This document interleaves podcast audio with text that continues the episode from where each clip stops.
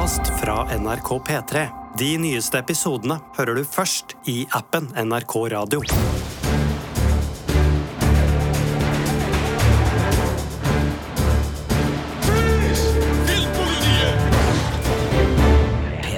Velkommen til Filmpolitiet med Sigurd Vik, Birger Vestmo og Ingvild Dybfest Dahl, hvor det i dag skal handle om noe så hyggelig som seriene vi gleder oss til i sommer.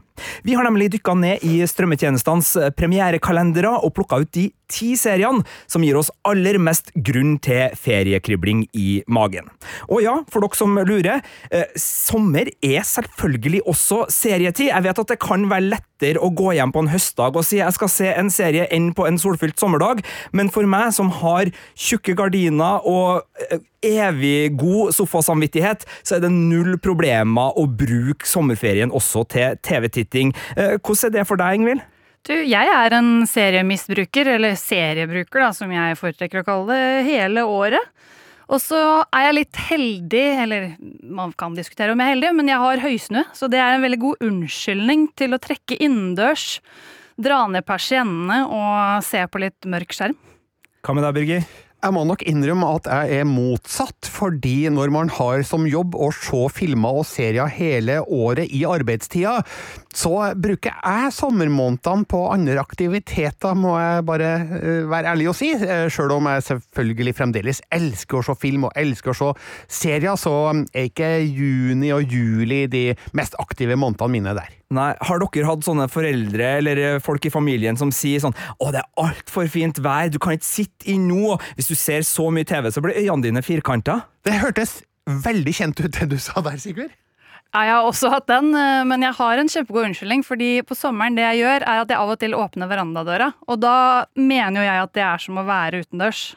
Jeg har også veldig gode minner fra uh, sommerkvelder med TV, og det tror jeg starta med Pacific Blue, som var en sånn der må se sommerserie som gikk på TV2 uh, for, for, lenge, lenge siden, i lineærtivens uh, gullalder. Men siden det så har liksom det, når, akkurat når det liksom begynner å bli litt sånn litt for varmt å sitte ut, og trekke seg inn da i en sval, god stue med en artig TV-serie, gjerne noe litt sånn popkornvennlig, det er for meg en favoritt. Så her i Filmpolitiets podkast så er det i hvert fall ingen som har tenkt tenkt å, å TV-shame deg for eh, sommertitting. Her blir det oppfordringer. Og eh, blant overskriftene for seriene vi nå har plukka ut for sommeren, så finner vi monsterjakt, rominvasjon, eh, storvokste superhelter, tror jeg, litt usikker på, på den, kannibalisme og kjøkkenkamp, og de to siste er heldigvis ikke nødvendigvis fra samme serie. Men før vi avslører hva som ligger bak disse overskriftene, så er det jo også på plass med en liten advarsel, for vi driver jo her med den litt berykta journalistiske sjangeren eh, gleder seg til journalistikk, Birger? Ja, det er korrekt. Den store utfordringa her er jo at vi selvfølgelig ikke har sett noen av de seriene vi nå skal spå kommer til å bli høydepunkter denne sommeren. Og um, det kan jo vise seg, som det har gjort før, at eh, en del av det vi nå spår kommer til å bli bra ikke er bra allikevel. Eh, men her går vi ut ifra kriterier som vi tror kan slå til. Altså, hvem er det som har laga disse seriene? Hvem spiller i dem? Har vi sett noe av det her før? Og borger det for kvalitet? Vi, vi har kikka på sånne faktorer når denne lista er blitt utarbeida, og så krysser vi fingrene og håper på at eh, det slår til noe å tilføye rundt gleder seg til journalistikkens gleder og sorger, Ingvild? Jeg bare stiller meg 100% bak det Birger seg. Ja, det er kloke ord fra en eh, journalist som har holdt på med det her noen år. Eh, men nå skal vi gå i gang med det viktigste. Her skal dere få lista. Lista består altså av ti serier, og rekkefølgen er som følger. Når har de norsk premieredato? Det bestemmer. Og det her spenner jo da fra 21. juni til slutten av august, og vi skal starte med en serie som har da premiere allerede 21. juni på Disney Pluss, med ukentlige episoder. Det her er en egen serie, men det er fra et ganske kjent univers, nemlig Marvel Cinematic Universe, og serien heter Secret Invasion, som da er Nick Fury, eh, spilt av Samuel L. Jackson i både Avengers-filmer og andre filmer, som skal få sin hovedrolle på TV-skjermen. Og Birger, det er jo en kar vi har likt ganske godt i diverse Marvel-filmer, det her? Ja, det er korrekt. Samuel L. Jackson har jo et gjenkjennbart ansikt som er lett å sette pris på, og han spiller jo Du tenker på øyelappen også i denne rollen? Det gjør jeg. Nick Fury har jo vært hans mest eh, kjente eh, og iøynefallende rolle de siste åra, eh, og vi så jo en ung versjon av han i filmen Captain Marvel, som kom i mars 2019. 2017. Eh, digitalt forringa Samuel L. Jackson funka overraskende bra, men sjølve filmen var ikke jeg så imponert over, husker jeg. Det ble terningkast tre til Captain Marvel. Jeg skrev at den ikke var særlig spennende, ikke spesielt morsom, og ikke veldig oppfinnsom heller, og en middelmådig film fra Marvel-universet. Så når jeg eh, leser at Secret Invasion eh, skal ta opp tråden etter Captain Marvel, så er jo forbedringspotensialet absolutt til stede, syns jeg. Ja, eh, og det er mye av handlinga i Captain Marvel som jeg må bare si jeg likte litt bedre enn deg, da, men jeg, skjønner innvendinga. Men, men det er mye av den handlinga som her spinnes videre på, og så er det også viktig å ha sett Avengers-filmene, tror jeg, for å få maks utbytte, for det er også en historie som fanger opp eh, det, Den foregår i nåtid eh, eh, i Marvel Cinematic Universe, og, og spiller jo da også på mye hendelser rundt det Thanos, den gode superskurken, forårsaka. Så det er mye etterspill også fra den storslåtte kinoavslutninga som Avengers Endgame ga da Ja. til det her universet. Jeg håper jo virkelig at eh, Secret Invasion gir oss en god innføring i alt som skjer her, fordi jeg må innrømme at jeg sliter litt med mye Marvel i monitor. Altså, For det første så må du ha sett alle de her filmene og seriene, og for det andre så må du huske hva som foregikk i dem, for å få fullt utbytte av det, den, det neste som skal skje da i Marvel eh, Cinematic Universe og på TV-fronten. Ja, altså, Nå skal jeg jo straks avsløre hvorfor det allikevel er grunn til å glede seg, men Ingvild, har du noe å tilføye når det gjelder liksom litt sånn den Marvel-slitasjen som Birger snakker om, og den, eh, det behovet for oversikt her før man gyver løs på noe? Jeg klarer ikke å holde oversikten, jeg heller. Altså, jeg ser jo det som kommer, det meste i hvert fall, men eh, det er nettopp det problemet. Da husker du hva som skjedde, og så når det blir sånn multiverser som også skjer, så er det jo utrolig ekstra vanskelig å huske hva skjedde i hvilket univers. Eh, Det har jeg problemer med. Ja, eh, og, og det er helt greit, men som sagt, Secret Invasion er en frittstående serie som jeg tror skal funke for alle uten noe sånn særlig bakgrunnskunnskap, men, men det lønner seg da å ha sett Avengers-filmene og Captain Marvel, og det her er en spionserie, etterretningsserie, fordi Nick Fury er jo da sjefen for både superhelter og agenter, og det er hans befatning med en uh, utenomjordisk rase som heter The Skrulls, som er basen her, og det er jo det som foregår da i 90-tallsfilmen, og da mener jeg ikke at den er laga på 90-tallet, men foregår på 90-tallet i Captain Marvel, uh, hvor vi møter denne gjengen, Uh, og i Secret Invasion eh, så skal vi vel avsløre så mye at plottet handler om at det kan hende at jorda er infiltrert av romvesen som er shapeshiftere, og som dermed kan gå blant oss uten at vi er klar over det, og at eh, da muligens noen av dem har ikke bare gode hensikter når det gjelder det å uh, ta over planeten. Det er jo både en flyktninghistorie om, en, eh, om romvesener som er på søken etter hjem, og en invasjonshistorie om romvesener som har, uh, ja, som Tim Burtons Mars Attacks hadde som tagline, Nice planet, we'll take it, eh, som alltid er god når vi snakker om eh, rominvasjoner. Eh, Og jeg er kjempespent på å se hvordan, for ut fra traileren så er det liksom, det er mye sånn god gammel spion-TV det her, med hemmelige møter i bakgata i Moskva, med liksom eh, den kalde krigen og USA mot Sovjet som et bakteppe, eh, og da veldig mange sånne eh, spiontriks med å, å følge etter folk, lure folk, og når i tillegg da Uh, halvparten av rollegalleriet muligens kan skifte utseende etter eget forgodtbefinnende, så blir det jo ekstra uh, spennende, tenker jeg, da, eh, å følge det her spionsirkuset i det. Man må være litt altså, og det kan man også si, altså, Hvorfor ikke bare ringe The Avengers? Det blir også sagt i traileren. Uh, what about The Avengers? Men det er jo ikke alle oppdrag dem med sin ganske massive slagkraft egner seg til, og når det er snakk om skyggespill, dobbeltagenter og det å, å drive på med litt lurerier, så er jo det Nick Fury sin hjemmebane, og det er jo derfor det er naturlig at det er han som blir hovedpersonen her, men han får ganske mye hjelp. Altså, her er det sånn at både Kobe Smolders, Martin Freeman, Don Sheedle og Ben Mendelsohn alle gjentar sine kjente Marvel-roller fra både Avengers-filmer og, og andre, og i tillegg da, så blir, ja, og nå sier jeg dronningene her, for de har begge spilt dronninger med bravur, Emilia Clarke, kjent fra Game of Thrones, og Olivia Colman, kjent fra så mange gode filmer, blant annet en uh, dronningfilm, The Favourite, var det det? Ja, riktig. Helt strålende der, og hun spiller selvfølgelig også da dronning i et par sesonger av The Crown. Det gjorde hun også, ja. Herlighet. Det er mye å huske på når en eh, holder på med dette her. Men ja, de to er også da nye tilskudd i både Marvel Cinematic Universe og i denne serien. Og det å liksom se Samuel L. Jackson, Ben Medelson, Olivia Colman og Emilia Clarke snakke sammen på TV, og så er det i tillegg en superheltserie. Ja, så det du sier nå, er at vi får agentfilm, eller agenttematikk som i eh, The Americans, eh, Muldvarpen og Le Byrå, kobla med alien-utfordringer som i The Thing, Invasions of the Body Snatchers og They Live. Da er jeg med. Eh, Ja, eh, det det gleder seg til journalistikken eh, si, og så gjenstår det å se om det vi faktisk får, eller om det bare er nok en generisk superheltklett som blir lettglemt og, og ja, i det hele tatt. Men, men jeg har i hvert fall trua på Secret Invasion enn så lenge. Den kommer allerede 21. juni med ukentlige episoder, og den lander på Disney pluss, og det kommer også anmeldelse av den her på eh, Filmpolitiets nettsider på p3.no skråstrek Filmpolitiet. Så det var første serie ut. Andre serie ut kommer på Prime Video den 23. juni, eh, og der har du både tittel og litt oversikt over hva det skal handle om, Ingvild. Jeg har prøvd å skaffe meg litt oversikt, i hvert fall. Og dette er jo også en slags superheltserie, etter hva jeg har forstått. Den heter I'm a Virgo.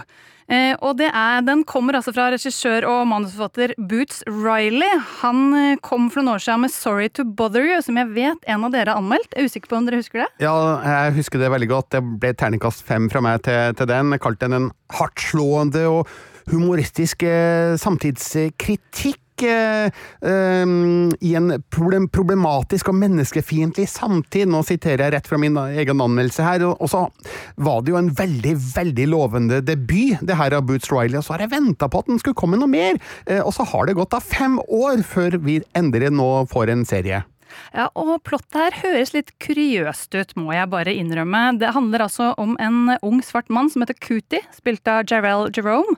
Og hans eh, situasjon er at han er 13 fot høy. Og for oss som bor i Europa, betyr det 3,96 meter. Og jeg har da tenkt dette byr på utfordringer. eh, Fordi selvfølgelig, jeg skjønner jo at det meste kan løses med CGI, men bare det å ha da han med i bilder eh, sammen med andre, er jo liksom Vi som plukker ut bilder ofte til ting vi skal vise fram på nett, det er jo ikke Det er liksom har litt å si at eh, folk er litt sånn jevnt i høyde av samme blikkfang. Så der ser jeg en utfordring. Men eh, vi satser jo på at dette her blir bra. Eh, han stakkars Kuti er gjemt av foreldrene mesteparten av livet. Han har holdt skjult innendørs der de bor i Oakland i California. Eh, og du ser i traileren at det går hardt utover både vegger og dørkarmer, det, når han stakkars gutten eh, bikker to meter. Eh, og han er da flaska opp på tegneserier og TV-serier, og så, enten om han rømmer eller våger seg ut, det har jeg ikke klart for meg, men da får han jo da et slags hardt møte med den virkelige verden. Eh, og møte både på kjærlighet, eh, manipulasjon fra omverdenen og, fra hva jeg har lest, superhelter. Åh, jeg, jeg, jeg gleder jo meg til å se Gerald Jerome, som vant Emmy for sin hovedrolle i miniserien When They See Us eh, for noen år tilbake, uh, spille hovedrollen her. Han synes jeg var eh, en sånn uh, Altså, han leverte en prestasjon som gikk rett inn i brystet, og jeg tror jo også her at selv om det er surrealisme og superhelter og, og komedie, så ser jeg jo for meg at det er en, en samfunnsbrodd også i Boots Rileys serie her, som jeg også ser fram til at han får spredd ut over. Er Jeg tror det er sju episoder det her skal være, og som slippes da samtidig på, på Prime Video. Ja, jeg, eh, nå står det stille i hodet mitt akkurat antallet, men eh, den kommer 23. juni på Prime Video. Og det er jo, han har jo med seg flere gode på laget, han eh, Boots Riley. Eh, han har også med seg et Se Chun, som eh, annet har vært med på Gotham og Little America som showrunner. Og foran kamera så har det annet Olivia Washington, Cara Young, Mike Epps, Walter Goggins og Juliette Lewis. Så det er jo ting Og så tenker jeg på det samme samfunnsbrodd. Ja, obviously. Altså en uh, ung, svart mann på nesten fire meter. Om ikke samfunnet føler seg truet av uh, såkalt vanlige svarte menn, så tenker jeg at en mann på fire meter uh, Det ser du i traileren til Spøke med. Han kan utføre en litt eh, større trussel. Og så høres det jo ut på handlingsbeskrivelsen her, Ingvild, at eh, det kan være en advarsel eh, for de som sitter inn og ser altfor mange TV-serier, hva som vil skje med dem når de beveger seg ut i den virkelige verden. Jeg vil tro man blir ganske krokrygget og eh, holdes innendørs i 18 år når du er fire meter høy, men eh, det gjenstår å se. Det gjenstår å se. Eh, det var da Prime Video 23. juni. Neste serie ut kommer 28. juni på strømmetjenesten Apple TV Pluss, og jeg tror hvis du likte TV-serien 24, hvor Keefer Sutherland spilte agent Jack Bauer, og alt foregikk i uh, sanntid, så kan det hende at Hijack, en ny thriller med Idris Elba, er noe for deg, for her er det spenning på programmet, Ingvild. Ja, det er en referanse jeg òg tenkte på da jeg leste her. Eh, det her Thriller-serien som det jo er, følger jo Idris Elba, som spiller Sam Nelson. Han er en forretningsforhandler av et slag. Det står ikke spesifisert hva. Men han får altså testa disse forhandlingsevnene på en helt ny måte, fordi flyet han tar fra Dubai til London, blir kapra. Og den flyturen skal jo ta syv timer, og dermed har eh, Sam eh, syv timer på å få flyet og de 200 passasjerene om bord trygt ned på bakken. Og den følger altså denne flighten i realtid, som vi liker å si i mediebransjen. Tikk, takk, tikk, takk. Og jeg hører lyden av 24 så, og, og, og, split screen. Jeg håper de har split screen. Nei, jeg håper ikke nødvendigvis de har split screen. Det var kanskje litt mye med, med åtte sesonger av 24 der. Jeg lurer på om de har eh, henta inspirasjon fra en nordisk serie fra tidlig 1980-tall som heter SK917 har nettopp landet. Eh, et mordmysterium om bord i en jumbojet på vei fra København til New York. Jeg bare sier det. Ikke sikkert det har noe med den serien å gjøre, eh, men eh, i hvert fall hvis det viser seg at eh, handlinga er veldig lik, så har jeg sagt det først. Du har da sagt det først, og, men altså, konseptet her er jo så enkelt og, tydelig at så lenge det er velspilt og godt dram, dramaturgisk spunnet ut, ja. så, så er det jo alltid en glede i å se en tettpakka, intens thriller om bord i et fly. Ja, visst. og Sanntid er jo vanskelig på filmlengde. altså Hvis du skal ha en flykapring i en 90 minutters actionfilm, ja, da må det flyet det, det, må løses fort, men her får man jo muligheten til å spille det ut på en helt annen måte. Ja, her er jo både tid og rom komprimert så det holder. Tida er jo da den tida det tar for flyet å komme frem dit det skal, og rommet er jo begrensa til eh, flykroppen, så eh, innafor de rammene så burde det være mulig å fortelle mange spennende ting. Det skal jo sies da at denne den handlinga også hopper til bakkemannskaper innimellom, har jeg sett i traileren. Eh, så derfor, Men det tenker jeg er en god ting, for da får vi jo eh, både disse personlige skjebnene om bord, og så får vi det miksa med de, den politiske spenningen da som kapringen medfører minner også om at det her er da uh, gleder seg-journalistikk, så vi får nå se da om Apple TV Pluss holder det de lover med en eh, turbulent serie som balanserer de personlige skjebnene osv. osv. Jeg gleder meg i hvert fall til å sjekke ut den her uh, 24-aktige uh, flykapringsthrilleren med Idris Elba. Jeg gleder meg også til å sjekke ut uh, Henry Cavill som monsterjeger i sin siste runde, men uh, fortvil ikke, for det er ikke serien som gir seg, det er bare Henry Cavill. Uh, sesong tre av The Witcher, som da kommer 29. juni på Netflix, og også 27. juli på Netflix, for i likhet med Stranger Things sesong fire, så har Netflix her delt opp en sesong ikke i episoder, men i to bind. Og øh, jeg må ærlig innrømme at jeg har ikke sett rubb og stubb av The Witcher, men jeg, jeg, har jo likt det jeg har sett ganske godt. Jeg tror terningen har gått både til tre og fire fra kollega Marte Hedenstad på henholdsvis sesong én og to, men jeg husker også at Marte var veldig begeistra for sesong to som underholdningsprodukt. Uh, Ingvild, du har sett The Witcher. Hva, hva har du likt, og, og hva gjør at du gleder deg? Jeg liker den eventyrlige dimensjonen, og så liker jeg jo i tillegg veldig godt uh, eh, Mr. Cavill da, som monsterjegeren Geralt of Rivera. Uh, fordi de som ikke har fått med seg hva den her handler om, så er det altså basert på en bokserie av Andrew Sapkowski. Han er polsk, så unnskyld min uttale. Og det har også vært lagd spill av dette. Og den handler om den magisk sterke monsterjegeren Geralt, og han bekjemper monstre mot betaling i ulike kongeriker på noe som kalles The Continent.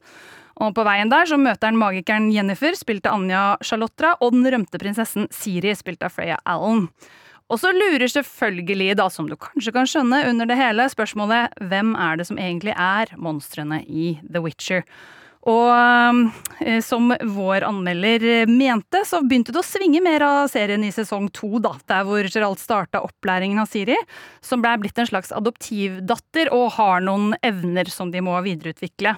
Så for fansen så tror jeg jo jeg må vel regne meg selv, da, for jeg liker jo veldig godt å se på denne serien. Så blir jo det her en avskjed med Henry Cavill, og det kan vel være bitter søtt eller bitter trist, eller det gjenstår jo å se hva det blir.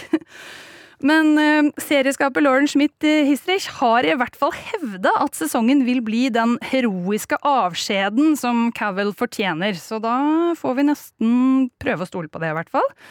Og så syns jeg jo da det er litt sånn påtagelig at Netflix eh, deler opp sine store satsinger i to bind, fordi det ble jo spekulert mye rundt det her da Stranger Things kom og ble delt opp, at dette gjør de jo for seertallenes skyld, for den måten Netflix regner seertall på, eh, er liksom i 28 dager, så hvis du deler opp en sesong i to, så den, får du liksom dobbelt så mye regning av timer, som er den måten de regner på. Og vi har jo ikke, dessverre, den synske evne til å se inn i hodene på Netflix-sjefene, men det er jo nærliggende å anta da, at det kan være en av grunnene. Ja, og så er det jo litt sånn pose og sekk fra Netflix òg, fordi de har jo profilert seg som en eh, TV-strømmeleverandør som i hovedsak leverer eh, sesonger eh, til binging. Altså du får alt på en gang. Det var liksom i hvert fall det som ble kjent blant publikum som Netflix-måten å gjøre det på. Det er jo mange som gjør det på samme måte, og Netflix har jo også eh, eksperimentert med ukentlige episoder, men her får de jo på en måte det beste av begge verdenene. De gir publikum eh, binsjemuligheter to ganger. Jeg er bare litt spent, fordi jeg så jo at episodeinndelinga var litt ujevn, og ja. det var den også på Stranger Things, og jeg syns jo jeg skal være såpass ærlig at det ble litt massivt med sånne totimersepisoder og to og en halvtimersepisoder som kom på tampen der, hvor det var spillefilmlengder og anselig spillefilmlengder på enkelte av episodene. Så, så sjøl om liksom sterke titler innenfor fantasy er uh,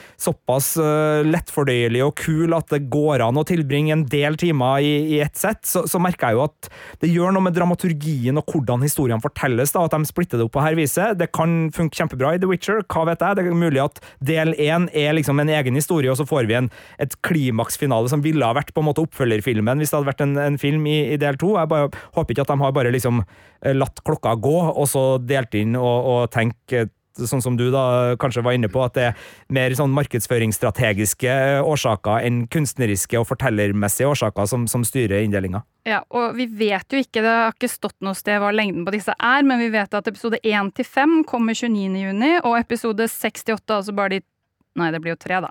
Nei, ja, ok, jeg kan ikke regne. Først fem, så tre. De tre siste kommer altså 27. juli. Så ja. det vet vi. Det vet vi. Og vi vet også at det er Liam Hensworth som skal ta over for eh, Henry Cavill i sesong fire, da, som eh, vel kommer senere en gang på Netflix. Åkke eh, som, det blir Henry Cavill-finale i sommer, og The Witcher sesong tre, som også fikk en spin-off-serie rundt juletider, som jeg ga en Jeg tror det var terningkast tre på den. Det var ikke så spennende, så jeg håper jo at hovedserien fortsetter den utviklinga som har vært fra sesong én. Eh, vi hadde jo også en artig Kristoffer Hivju-episode inne i sesong to, eh, og jeg er med deg på at uh, det her er en tittel som er blant de store blockbuster-titlene fra sommeren på, på TV-skjermen, og en vi gleder oss til i Filmpolitiet. The Horror of Dolores Reach er neste serie ut. Den kommer på Prime Video den 7. juli, og her er det både skrekk og komedie og gammel teater, et gammelt teaterstykke, eller jeg vet ikke helt hva Sweeney Todd er, men det er i hvert fall eh, bånd til Sweeney Todd-historie her, Ingvild. Ja, eh, dette, alt dette er jo da noe fra ting jeg har lest, så jeg går ikke god for noen ting, må jeg bare understreke, siden ikke vi har sett noen ting. Men eh, det jeg har lest om The Horror of Dolores Roach, eh, det er at den eh, lokker med å være en moderne Sweetie Todd-inspirert urban vandrehistorie om kjærlighet, svik, marihuana, kannibalisme og den sterkestes overlevelse. Så det er jo ganske saftig sånn tagline å dra inn. Og for du som ikke da husker Sweeney Todd, og de andre som heller ikke gjør det Jeg har sett musikalen på nynorsk av alle ting, husker jeg, men det var jo også en film med Johnny Depp i sin tid. Eh, og det er jo noen som ender opp med å lage paier av menneskekjøtt. Derav eh, Spoiler alert. Ja, beklager. Jeg føler at det er så etablert at det blir som Rødhette og ulven så Ikke sant? Eh, ja. Hei, hei, hei, hei, Vent nå litt her. Jeg beklager. Jeg ber om unnskyldning. Ja. Eh, men det er jo nevnt at det er en av tingene de lokker med, kannibalisme. Så det blir liksom, jeg kan ikke se at de mener det er en spoiler når de samtidig legger det inn i taglinen. Eh, og den serien kom jo fra Bloomhouse, en underdivisjon av skrekkekspertene skrekk Bloomhouse. Ja, fytti rakkeren. Og, og det er jo et, et, en viktig faktor her, tenker jeg, at Blumhouse står bak. fordi de har jo blitt en garantist for om ikke gode filmer og gode serier, eh, så har de sin egen litt sånn underholdningsskrekken har de jo dyrka både med popkultur og, og med noen eh, bedre titler. Ja, altså, de har for eksempel kjente serier som Paranormal Activity, Insidious, eh, The Purge, eh, Get Out, eh, de siste Halloween-filmene, så dette er et selskap som eh, kan horror, i hvert fall. Ja. Og det den også er, den er basert på en podkast ved samme navn. Jeg har ikke hørt denne podkasten. Har noen av dere det? Nei! Nei. Så da kan ikke vi si noen ting av det. Men den serien er altså skrevet og regissert av selve podkastskaperen Aaron Mark. Så jeg har ikke sett at han har gjort noe TV før, så det kan bli veldig spennende. Men Justina Macado, som har hovedrollen som Dolores Roach, eh, hun har vi sett før. Blant annet i Seks fot under, denne gode gamle 90-tallsserien, der hun spilte kona til han eh, ene Hva kaller vi det? De som steller med likene og preparerer eh, lik. Begravelsesbyråagenter. Ja takk, det høres pedre, penere ut enn at jeg drar inn lik. Ja, Eh, 2000-tallsserien, i hvert fall. Ja ta takk. Den føles litt gammel, ja. Den gjør det. Men en av mine favoritt gjennom tidene, kan jeg si den var. Og, og så har hun spilt i Jane the Virgin. Eh, og hun, eh, hennes rollefigur vender tilbake til Washington Heights etter å ha sittet i fengsel i 16 år. Jeg vet ikke hvorfor hun satt i fengsel. Eh, og da finner hun ut da, at nabolaget er blitt sånn ugjenkjennelig gentrifisert. Eh, og det var vel et tematikk som for så vidt også kom opp i den musikalen eh, eh, Washington Heights, som kom for ikke så lenge siden. Eh, og så ender hun opp da med å time, time slå seg sammen med en gammel stoner-venn. Der også har jeg å finne norske ord, men hva sier vi for stoners? Det er liksom ikke et godt norsk Du sier Nei, jo ikke steinervenn. Nei, men altså, det er jo å være stein, så, så det går sikkert an å, å leke seg med det. Eh, Hasjkompis? Ja. Ok. Vi skal ikke gjøre noe stort nummer ut av det.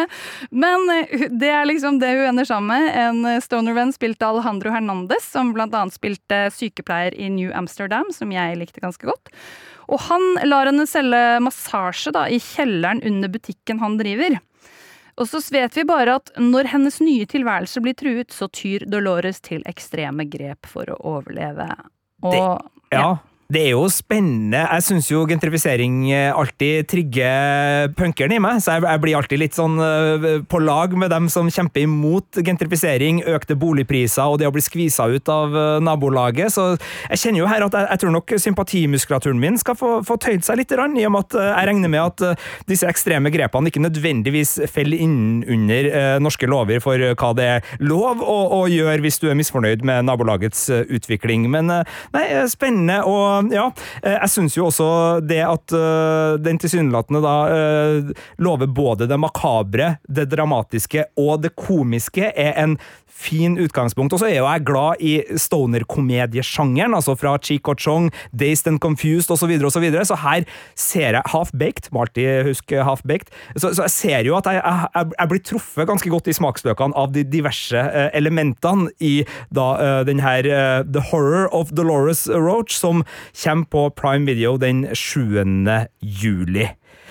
Du snakka om eh, gammel HBO prestisjedramastorhet med seks fot under, six feet under, for dem som foretrekker engelske titler her, Ingvild. Og det er jo til HBO og det som tilsynelatende ut fra rollelista ser ut til å være sommerens prestisjekrimdrama fra dem i Full Circle, som da treffer HBO Max den 13. juli.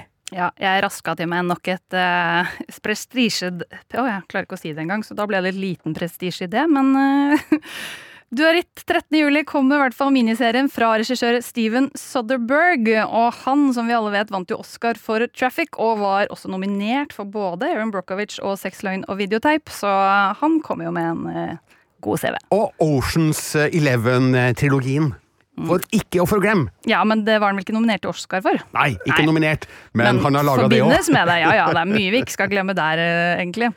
Og dette her eh, heter altså Full Circle og er et krimdrama der etterforskningen av en eh, mislykket kidnapping avdekker hemmeligheter som påvirker da en rekke mennesker i New York Ja, og, og rollelista her er jo også med å gjøre at eh, prestisjedrama-vibben kommer fort, for Claire Danes, kjent fra ja, Homeland, kanskje først og fremst i, i serieruta, kan også trekke fram Fleischmann is in Trouble, som er en ganske fersk anbefaling fra Filmpolitiet på Disney+, og for dem som husker uh, My So-Called Life, eller Angela, som serien Hvem gjør ikke det?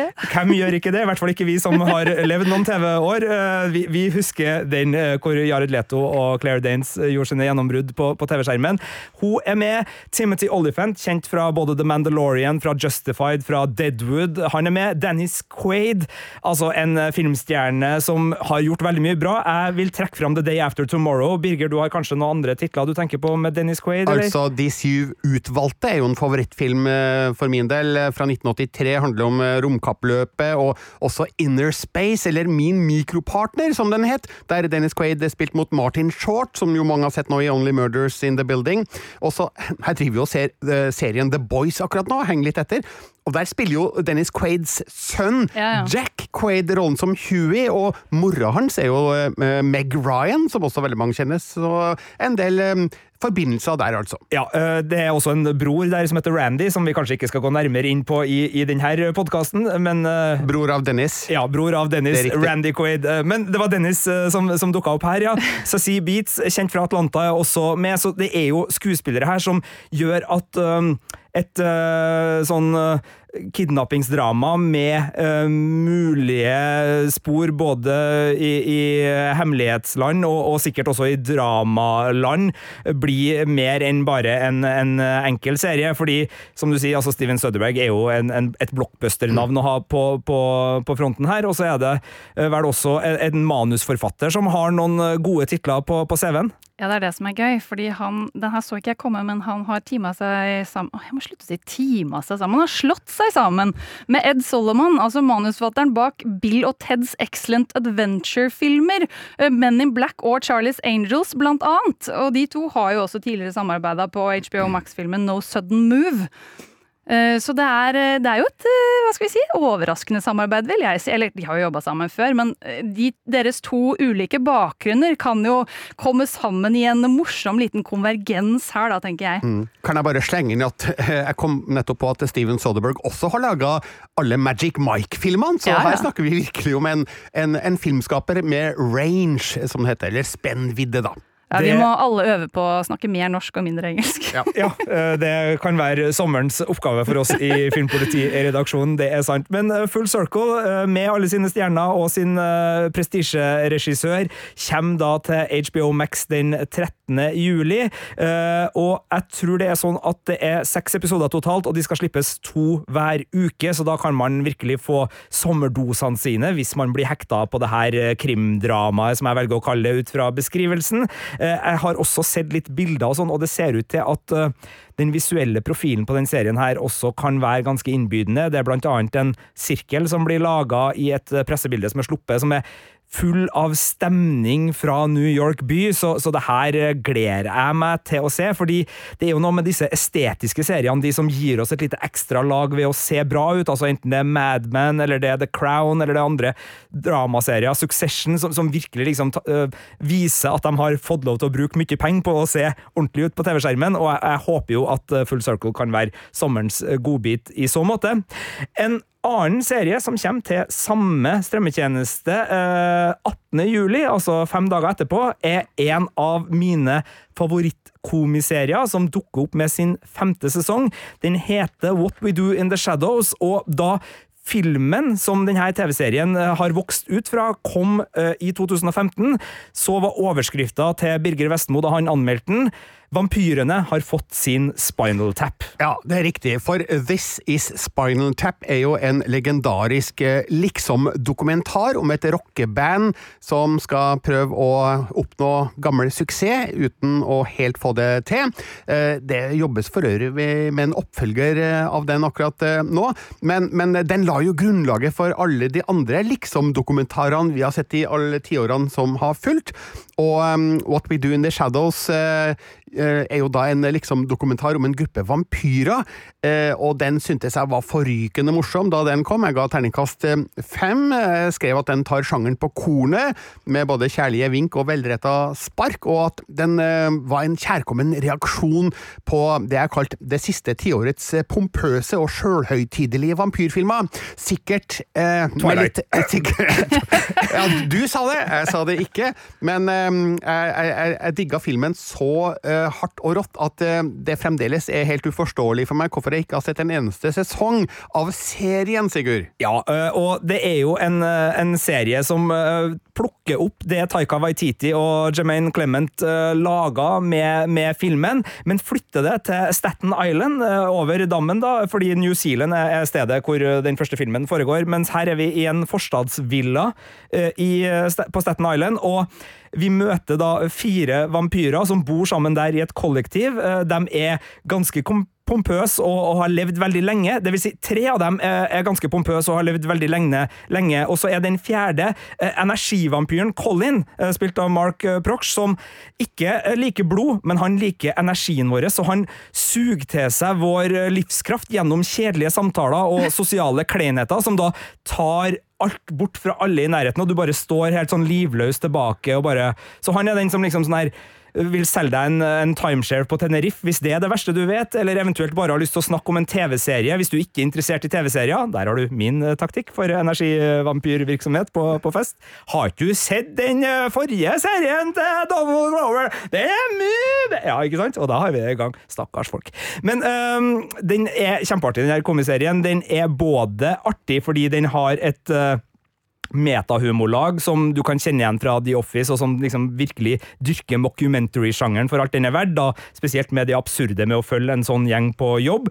Eh, og så har den også veldig mye fiffige filmtriks, fordi den elsker vampyrsjangeren, så det er kjærlig humring her. For det første så dukker veldig mange skuespillere fra kjente vampyr, andre kjente vampyrfilmer opp, så se opp for Wesley Snipes og, og, og Tilda Swindon osv. Men den har også en, en hang for analoge det er ikke helt riktig å si, men altså praktiske filmtriks. Her er det ikke bare i CGI-verden ting foregår, altså digitale ettereffekter. Her setter de opp kameraet og praktiske eller fysiske De bygger kulissene og rekvisittene på en måte som gjør at de får utrolig mye artig ut av sine vampyrvitser. Så, så, det liker jeg også. Og så er det bare et rollegalleri jeg har blitt veldig glad i. Det er en serie som har vokst seg bedre og bedre, og den tar både liksom, det moderne liv uh, med skråblikk fra uh, udødelige vampyrer på kornet, og er også menneskelig når det gjelder liksom, relasjonene. Uh, Van Helsing-familien er også med i ytterkantene her, og man har litt mennesker og vampyrjegere og vampyrer og alt det andre du trenger for å trives i det her universet.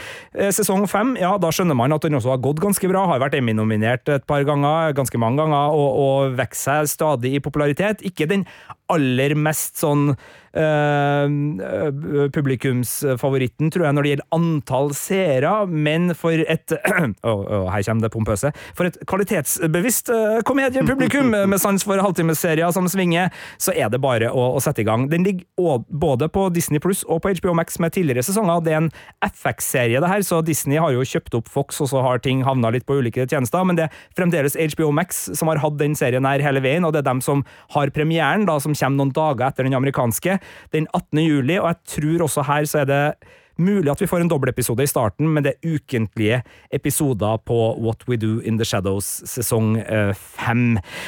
Og nå begynner vi jo på uh, oppfølgerkjøret. Fordi én uh, ting er at vi elsker What We Do Under Shadows og følger med på oppfølgeren der, men vi elsker jo også The Bear, som kom i fjor høst på Disney Pluss, og som kommer med sin sesong to den 19. juli. Og her er vel ikke jeg alene om å elske den. Den fikk terningkast seks fra meg, bare for å legge lista her nå.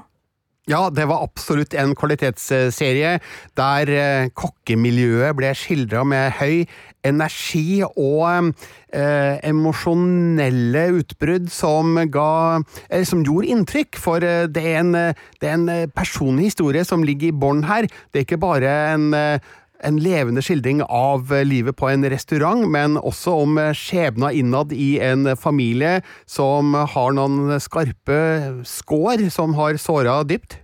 Jeg vet, jeg har kalt den den beste matlagingsserien siden Masterchef, uten at det er en matlagingsserie. Masterchef er jo en reality, men det jeg gjenkjenner er liksom nydelige bilder av mat, den der lidenskapen folk har for selve prosessen og hvordan de skal gjøre det. Det fanger The Bear veldig godt, samtidig som det jo er et drama, som dere påpeker. Ja, Og så elsker jeg oppskrifta her, da, fordi den kombinerer masse god alternativ rock. Nå snakker jeg om sesong én, så, så, vi vet jo ikke hvordan sesong to blir, men, men altså, de hadde Wilco, de hadde Refuse, de hadde masse kule låter. De hadde uh, en visuell stil som gjorde at de reindyrka det trange kjøkkenet og lot det frese skikkelig, og folk skumpa borti hverandre, og det var trangt, og kameraet lå bak og skapa en sånn frenetisk energi i, i scenene. Uh, den er veldig glad i røff situasjonskomikk. Altså, uh, her er det pistoler og bannskap og, og mye rart som skjer. Forgifting av barn var også en, et element i, i sesong én. Men den, den, er liksom ikke, den gjør ikke det for å være drøy, men den tar tak i en ganske rufsete gjeng da, i Chicago, med et rollegalleri som ikke nødvendigvis uh, alltid gjør de moralsk veldig riktige valgene, eller uh, går av veien for å krangle med ganske kraftig krutt uh, mot hverandre. Og så er det da den her viljen til å skildre vanskelige situasjoner nært og medmenneskelig. Altså Her er det jo uh, veldig traumatiske, opprivende hendelser som har skjedd, og, og, det at serien også tar seg tida innimellom alt det her uh, sjangerspennet til å være nær sine rollefigurer og, og, ta oss med inn, da, spesielt til Carmen Berazzo, spilt av uh, Jeremy Allen White, som er med hovedpersonen her. Altså, jeg, jeg blir så glad av den serien der. Ikke fordi den er glad, men fordi den er så oppriktig, da, syns jeg, i, i skildringene. Og selvfølgelig, den kunne ha slutta etter sesong én. Det var ingenting i veien for at The Bear kunne ha gått ut i historien som en terningkast seks-serie med én sesong som forteller den historien. Men uh, suksess skaper jo gjerne en vilje til å skape mer, og jeg aner jo ikke om det er fordi at de alltid har tenkt at denne historien skal fortelles videre, eller om de så at du verden, her var det et publikum, vi, vi lager mer. Men hva tenker dere om å følge den gjengen her videre da, på nye kokkeeventyr? Altså, Jeg syns jo at uh, Carmen Berchatto er en veldig interessant figur, fordi når vi møter han i sesong én, så har han jo falt fra stjernetoppen i kokkeverden. Han har blitt nødt til å flytte hjem for å ta over restauranten etter sin nylig avdøde bror, og uh, det var vel kanskje et lite ankepunkt jeg hadde uh, mot første sesong, at uh, han, han virka ikke helt som den der store kokkestjerna når vi møtte han i den gamle familierestauranten, men, men var egentlig litt grønn, da. Litt grønnskåling, litt nybegynner. men det kom seg virkelig etter hvert, og det viser seg jo at han har noen eh, dypere lag, denne Carmen Bersato, som gjør at eh, jeg er veldig interessert i å se hvordan utviklinga hans blir i sesong. Jeg er alltid sulten på mer utsøkt matdrama. Det er gode ting. Jeg vil også bare uh, slenge inn, da, for å uh, bare ha sagt det også her. Uh, det er noe med hvordan du bygger hovedpersoner og gir dem veldig mange konfliktakser å spille på. Altså Tony Soprano, Don Draper, det er ofte menn i 50-årene her, det hører dere. Walter White. altså De ble bygd opp på en måte gjennom seriene hvor de hele tida på en måte, de, var, de, de beveget seg på monstrene, og det var gjennom valgene de tok at vi skjønte hvem de egentlig var. Og, og sånn syns jeg også de har bygd Carmen Berazzo på en veldig fin måte. Altså Han er en eksklusiv gourmetkokk som spiser junkfood og drikker Coca-Cola når han har muligheten.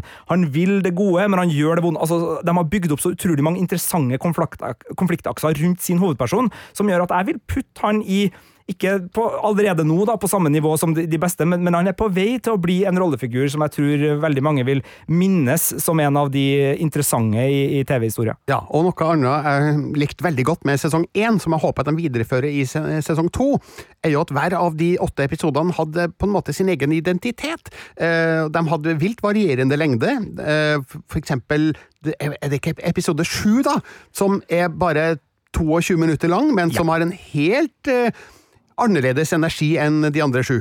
En av de beste TV-episodene som har blitt laga. Du har helt rett, den var kort. Den kan diskuteres i hvordan den er laga, for det er litt vanskelig å se om den er en såkalt one take wonder, eller om de har juksa litt her, men, men det er en serie som igjen da virkelig fanger opp Uh, når det koker over på et kjøkken på alle vis, altså både i rollegalleriet og fysisk uh, matlagingsmessig, uh, og det eskalerer og det eskalerer og det eskalerer, du verden hvor det hjelper å ha formgrep som forsterker alt du har lyst til å si, og som er med å bygge den til en knyttneve av en 20 minutter. Eh, takk for påminnelsen, Birger. Eh, se gjerne da eh, sesong én av The Bear som ligger på Disney Pluss, og gled dere til 19. juli. Den her lurer jeg faktisk på om kommer i en smelle. IMDb mener i hvert fall at episodene skal komme på samme dato i USA, hvor serien har premiere litt tidligere, men i hvert fall så begynner den 19. juli på Disney Pluss i Norge. Og vi holder oss på samme strømmetjeneste. Vi holder oss i det landskapet hvor vi har likt tidligere sesonger, så derfor så venter, eh, forventer vi glede igjen. Only Murders in the Building kommer med sin sesong tre på Disney pluss 8. august, og det her var vel krimkosen vi ikke visste at vi trengte, men som vi ble veldig fort glad i, folkens? Lett å la seg sjarmere av den her, da, med blanding av liksom eh, Ja, for mange er jo ikke Selena Gomez ny, men kommer an på hvilket perspektiv man har. Blander henne med en dash eh, gamle veterankomikere, Steve Martin og Martin Short. Ah, nei, dette var digg. Ja, jeg er jo en nostalgisk anlagt person, så jeg blir jo glad når gamle helter oppleve ny suksess, og det kan vi jo absolutt si at Steve Martin og Martin Short gjør her nå. Komikere som har vært med oss siden 1970-tallet, i Steve Martins tilfelle i hvert fall, og Martin Short i hvert fall siden tidlig 1980-tall. Eh, men eh, de tre danner jo et ikke et radarpar, men radar-trekløver, som, som, eh, har underholdt oss eh, godt og vel gjennom eh, to sesonger nå. Jeg har riktignok bare sett den første, har den andre til gode, men den første sesongen det var skikkelig kosekrim med en stor dose humor blant spenninga. Ja, og, og, og, det var også sesong to, så det er derfor jeg gleder meg til sesong tre. For de har på en måte bevist at de kan fortsette noe, selv om sesong én òg kunne ha vært avsluttende. Du hadde ikke trengt å lage flere sesonger av Only Murders in the Building men når de har vist at de fikk det til én gang, så tenker jeg at de får det til en gang til. Og så kommer jo Meryl Streep, da, ja. selveste, eh, inn for å høyne rollegallerikvaliteten ytterligere i denne sangen. Kan si, sesongen. Kan også si at Paul Rudd kommer til å være sentral i, i handlinga her, ut fra presseomtalen i, i forhånd. Og det her er jo en komiserie som kombinerer da tre naboer med stor sans for virkelighetskrim og, og podkaster, eh, og setter i gang da en etterforskning i en fasjonabel bygning på beste Manhattan, hvor de tre bor. En bygning som er full av flotte fasader, og som gir en sånn kjempelun og koselig Manhattan-vib, samtidig som den har hemmelige ganger og stadige overraskelser, som gjør at det er et, et, sted å være hvor du aldri vet helt hva som henger sammen med hva, selv om du tror du vet det. Og jeg syns jo også kombinasjonen av true crime-parodi, som det her virkelig er, og faktisk krimmysteriet har funka, fordi du kan lage parodier som ikke egentlig er noe mer enn parodier, og du kan lage øh, krimmysterier som er så generisk, men allikevel funker, men de har ikke glimt i øyet. Og jeg syns kombinasjonen her med å liksom anerkjenne at ja da, vi driver og beveger oss i opptråkka Agatha Christie-landskap, og vi skal parodiere det litt, men vi skal likevel bygge det på en måte som du blir engasjert i, og du sitter og tenker altså en who done it, for å fortsette å bruke gode norske ord her i, podkasten. Men den er modernisert da med å ta tak i det true crime-appetitten vi har fått, og spesielt da disse true crime-podkasterne som valser i vei inn i politietterforskninga og antar at politiet har gjort en dårlig innsats, og nå skal vi virkelig klare å avdekke hva som virkelig skjedde den gangen for 16 år siden, for vi har nemlig en teori, eh, og det er alt du trenger hvis du har en en teori og en podkast, så kan du få suksess. Så jeg, jeg syns den er sammensatt og god da, på, på, en veldig underholdende og lun og fin måte. Og du mm. sa vel kosekrim? Ja, Ingvild, det her er kosekrim. Ja, og jeg syns det er så deilig, fordi den her småkjeklinga mellom de tre som er trekløvere, da, det syns jeg er veldig gøy i seg selv. Uh, og så klarer serien å være varm i tillegg til morbid, og det liker jeg veldig godt. Og så er det veldig smart å få inn Meryl Streep da, i sesong eh, tre. Da, da kommer hun da inn og øker prestisjen, akkurat som hun gjorde i den andre sesongen av Big Little Lies uh, i 2019. Ja. øh, Det er, altså, det, det er alltid lurt å ha med Meryl Streep, men altså, det, det er sannsynligvis også, også ganske kostbart å, å ha med Meryl Streep, så vi håper jo at øh, de øh, ikke ruinerer seg på denne sesongen, og at uh, vi får fortsette. For jeg, det her har blitt altså Jeg er jo sånn som ser 14 sesonger av Bones, 8 sesonger av Castle, øh, 20 sesonger av CSI lett, uh, 7 sesonger av The Mentalist. Altså, jeg, jeg elsker jo mange sesonger med ganske god krim, så, så det her må gjerne bli en, en ti sesonger, hvis de bare liksom klarer å utvide og, og gjøre det på en naturlig måte. For jeg har så stor appetitt på kosekrim at uh, jeg, jeg, blir med på, på, det meste. Og da vet dere også at det er herfra vi kommer, da. Uh, altså, det er jo ikke sånn at alle elsker den serien her, og det gjelder jo alle seriene. Altså, du, du må jo ha fot for det, for hvis du ikke syns Agatha Christie-krim er lunt og hyggelig, så blir jo det her fort kanskje en av de kjedeligste seriene eh, som går på eh, strømmetjenestene, så, så vær også advart om at du må like uh, den type krim. Du må også like uh, en viss type sci-fi for å få utbytte av den siste serien vi har med på lista, også på Disney Pluss, så gratulerer med reklamen. Det var ikke meninga at det skulle bli såpass mange Disney Pluss-serier på denne lista, men den 23. august så kommer Star Wars-serien Asoka, eh, som er da en videreføring av The Mandalorian-serien på sett og vis, og også en videreføring av de to animerte seriene Star Wars Rebels og The Clone Wars med da eh, Rosaria Dawson i hovedrollen som den uh, lysveidsvingende Asoka Tano, en favoritt blant mange Star Wars-tilhengere, og Lars Mikkelsen i en skurkerolle som mange kjenner fra den animerte delen av Star Wars-universet, Storadmiral Thrawn, men som nå da endelig skal dukke opp uh, i live action. Og Birger, vi er jo glad i Star Wars. Hva tenker du om at uh, Asoka er neste serie ut fra Disney Pluss der? Jeg sier jo bare bare ja takk, kom med det,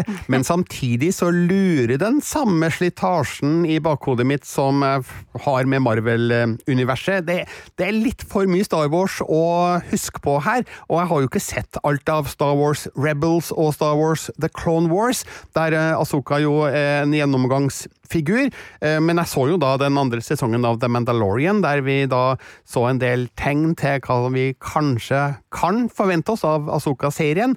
Så jeg er jo spent da på å se Rosario Dawson i denne rollen, og også Lars Mikkelsen da, som Thrawn. Det er jo litt morsomt at eh, brødrene Mikkelsen, Lars og Mats, er på en måte sånn go to-skurker i Hollywood eh, nå. Mats Mikkelsen spiller jo naziskurk i den kommende Indiana Jones-filmen, og vi husker jo også han som Bond-skurk, eh, mens Lars Mikkelsen har vi jo sett i The Witcher og den siste sesongen av Borgen, og, og også da Rike Exodus, så um, det her er populære herremenn, men eh, når de snakker engelsk, eh, så er det stort sett som skurker, altså. Men det her er bra, for nå nærmer vi oss uh, inspirasjon til pubquizer for dere som hører på. For hvilke brødrepar har begge spilt ulike roller i Star Wars? Uh, svaret er Mikkelsen-brødrene, uh, fordi broren uh, var jo også med i Rogue One, Star Wars Story, hvor han spilte så Selvfølgelig, ja. Han, han, han, er jo konstruktøren av Dødsstjerna, intet mindre. Og du klaga på spoiling når det gjaldt kannibalisme tidligere i podkasten. Glem at jeg sa det jeg nettopp sa. Nei, det er sagt, så det blir med. Nei da, ikke en stor spoiler. Altså, Dødsstjerna, den, den er der fra film ja. nummer én i Star Wars-universet, og den blir både bygd og sprengt og bygd og sprengt, så, så det er ganske grei skurring. Men sjøl om jeg nå klager over at det er for mye å følge med på, så eh, jeg har jo ingen tvil om at Asoka blir en god serie, for det er ganske Eller det er veldig solide navn som står bak det her. Ja, det her er jo fra John Favreau og Dave eh, Filoni, som da har vist med The Mandalorian-serien at de har både en publikumsteft når det gjelder hva er det med Star Wars som virkelig fenger publikum. Altså den eventyrfølelsen, den kule visuelle stilen, westernmotivene, for det var jo en space western til å begynne med det her, og ikke minst da veldig søte rollefigurer som eh, Grogu, aka Baby Yoda, som kan være at dukker opp her, fordi eh, de har møttes før, Asoka og, og Grogu, så, så du har de mulighetene. Og så er det jo også sånn at det skal komme en film av Dave Filoni som skal øh, runde av denne historien som har blitt fortalt da, delvis i The Mandalorian, delvis i The Book of Boba Fett, og nå da også i Asoka, i live action-serier fra Disney de siste årene. Og det å gjøre jo at øh, Det å etablere en så sentral skurk som storadmiral uh, Thrawn i det universet her, øh, gjør at jeg tenker at nå skal vi virkelig få bygd opp noe nytt og spennende, fordi det har jo vært, i hvert fall i Star Wars-filmene og den siste Skywalker-trilogien, som kom da fra 2015 til 2019, var det vel, med de tre uh, filmene der, der føltes det litt som om at han gikk opp de samme skurkeløypene man hadde gått opp før. Altså, det er jo ikke så rart, fordi det handler jo om eh, Skywalker-familien og, og, Luke, og da er det jo naturlig at det er mye av de samme store Star Wars-baddiene som eh, Det var også en dårlig fornorskning, ja. At de er der. men, men, men her er vi i nærheten av det samme, fordi det her er jo folk som kjenner hverandre. altså Asoka Tano var uh, jedi-lærlingen til uh, Anakin Skywalker, altså Darth Vader, selveste, da hun var ung, så, så, så folk kjenner hverandre her, men det er allikevel en annen type skurk enn den der Sith Lord som på en måte bare er uslåelig helt til det går an å, å kaste dem ned i en eller annen energireaktor. Mm. Oi, der ble det spoila Star Wars fra 1983 òg, gitt. Men den kjente rollelista eh, til Asoka-serien eh, den virker veldig lovende, da. Bortsett fra de vi har nevnt, så um, vet vi at Hayden Christensen skal gjenta rollen som eh, Anakin slash Darth. Eh, vi vet at eh, Mary Elizabeth Winstead har en rolle. Nylig dessverre avdøde Ray Stevenson eh, med. David Tennant skal spille en figur som heter Huang. Og Temuera Morrison skal spille Captain Rex. Så um, det blir flere velkjente ansikt å se i Asoka-serien når den får premiere. Ja, og selv de dårligste Star Wars-seriene som har kommet de siste årene, og da ser vi nok mot Boba Fett og Obi-Wan-seriene, kanskje, og den siste sesongen av Mandalorian hadde også litt slitasje. Altså, Sjøl dem har jo nostalgien på stell. Så for oss som elsker Star Wars, og vi er jo ganske mange, sjøl om jeg skjønner nå at jeg irriterer de som ikke er glad i, Star Wars, men, men for dem som elsker det, så er det jo stort sett alltid koselig med mer. Og så visste jo Andor at også dette universet kan brukes til å bryte ny grunn og skape veldig, veldig god TV, som uavhengig av at det er Star Wars, har en verdi for, for alle, sa Star Wars-fan. Uh, uh, så, så jeg, jeg, tenker jo at her er liksom bunnivået ganske trygt, og så er toppnivået høyt hvis de får det til. Men nå har jeg jo faktisk eh, et mål her, da, et mulig mål, nemlig å se alt av Star Wars The Clone Wars og alt av Star Wars The Rebels før Asoka-serien kommer. Ja, det kan være et mål. Jeg bare, Sorry, da avsporer jeg litt, men jeg har sittet og tenkt på et kjempegodt tips for dem som har lyst til å se masse på TV i sommer, men likevel vil bli brune. Kom på at jeg for noen år siden lagde en slags hjemmekinoskjerm av en pappeske, som jeg bare skar ut et firkanta hull i bunnen av, som var litt mindre enn mitt nettbrett. Og så la jeg nettbrettet på toppen, og hodet under var hull til halsen. Og så kan du ligge ute i parken og så kan du i mørket se på dine favorittserier, og likevel bli brun på resten av kroppen. Det her høres ut som et produkt du kan ta copyright på og patent på, og selv. Pappeske, ja. Mm. Lykke til. Det høres også ut som verdens beste sånn sensory deprivation tank, bare at du får jo ikke noe sensory deprivation, da. du får bare veldig mange overload. andre inntrykk. en sensory overload-tank du kan ta med deg i parken. Nei, kjempeidé til, til folket der ute som tenker at uh, seriesommeren skal nytes, men det skal eventu den eventuelle sola også, vi tar ikke noe for gitt her. Ja. Uh, da kan man bruke Hva, hva kaller du den, Ingvild? Har du tatt og navngitt uh, din kjære venn her? Nei. Parkkino? Eh, man kan også eventuelt kjøpe VR-briller, men det innebærer en litt større kostnad enn en pappeske. Det er sant, så pappeske er eh, det rimeligste alternativet. Og i og med at Asoka da kommer den 23. august på Disney Pluss, da, da, er vi jo på tampen av sommeren, men, men vi, vi, har den fremdeles, eh, så har vi da gitt dere nå ti serietips som vi har trua på i sommer, og så vil det jo vise seg da eh, om de er gode eller ikke. En del av de eh, fasitene kommer jo selvfølgelig på P3 sine nettsider og på Filmpolitiets nettsider, på p3.no filmpolitiet, hvor vi kommer til å anmelde noe av det her. Og du kan også gå inn på den adressa fra og med fredag 16 16. juni, hvis uh, min indre kalender er riktig. Og les hele lista uh, for å få med deg både det du vil ha av premiereoversikt på når og hvor de kommer, og lese litt om hvorfor vi gleder oss. Så bruk gjerne våre nettsider både nå og gjennom hele sommeren. Hør oss gjerne på podkast gjennom hele sommeren. Det kommer også til å være en del strømmetjenestefokus der, og serietips av ting vi vet er bra. Og hør oss gjerne på radio. Vi er på P3 mellom klokka 12 og klokka 15. Vi har vært Sigurd Vik, Birger Vestmo og Ingvild Dybvest Dahl. Du har vært nydelig. Tusen takk for oss. Handelsmenn, sjøfarere, konger, kongsdøttere og krigere. Møt dem som levde i vår verden for tusen år siden. Episke slag, guder, legender og eventyr da verden ble gjenoppdaget. Hør om deres dramatiske liv og tid, basert på Snorre Sturlasons udødelige historier. Hør Vikinger i appen NRK Radio.